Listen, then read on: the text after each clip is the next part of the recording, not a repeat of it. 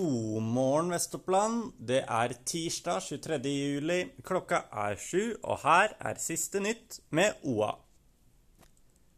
Politiet beslagla i natt mindre mengder narkotika fra to menn i tidlig 20-årene i Gjøvik.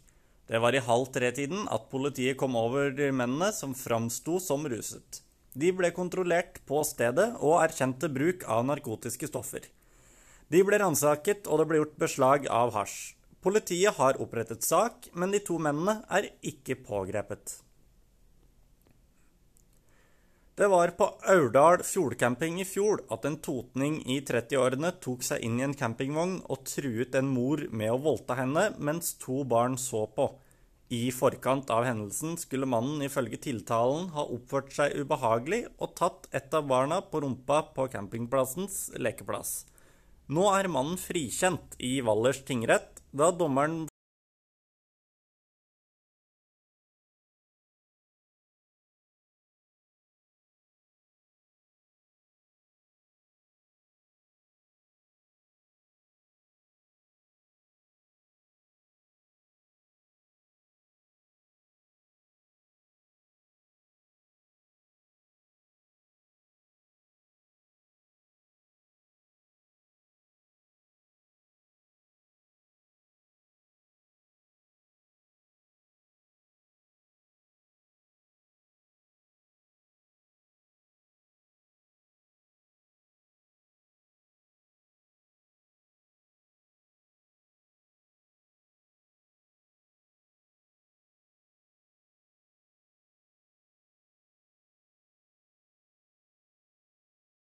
med OA.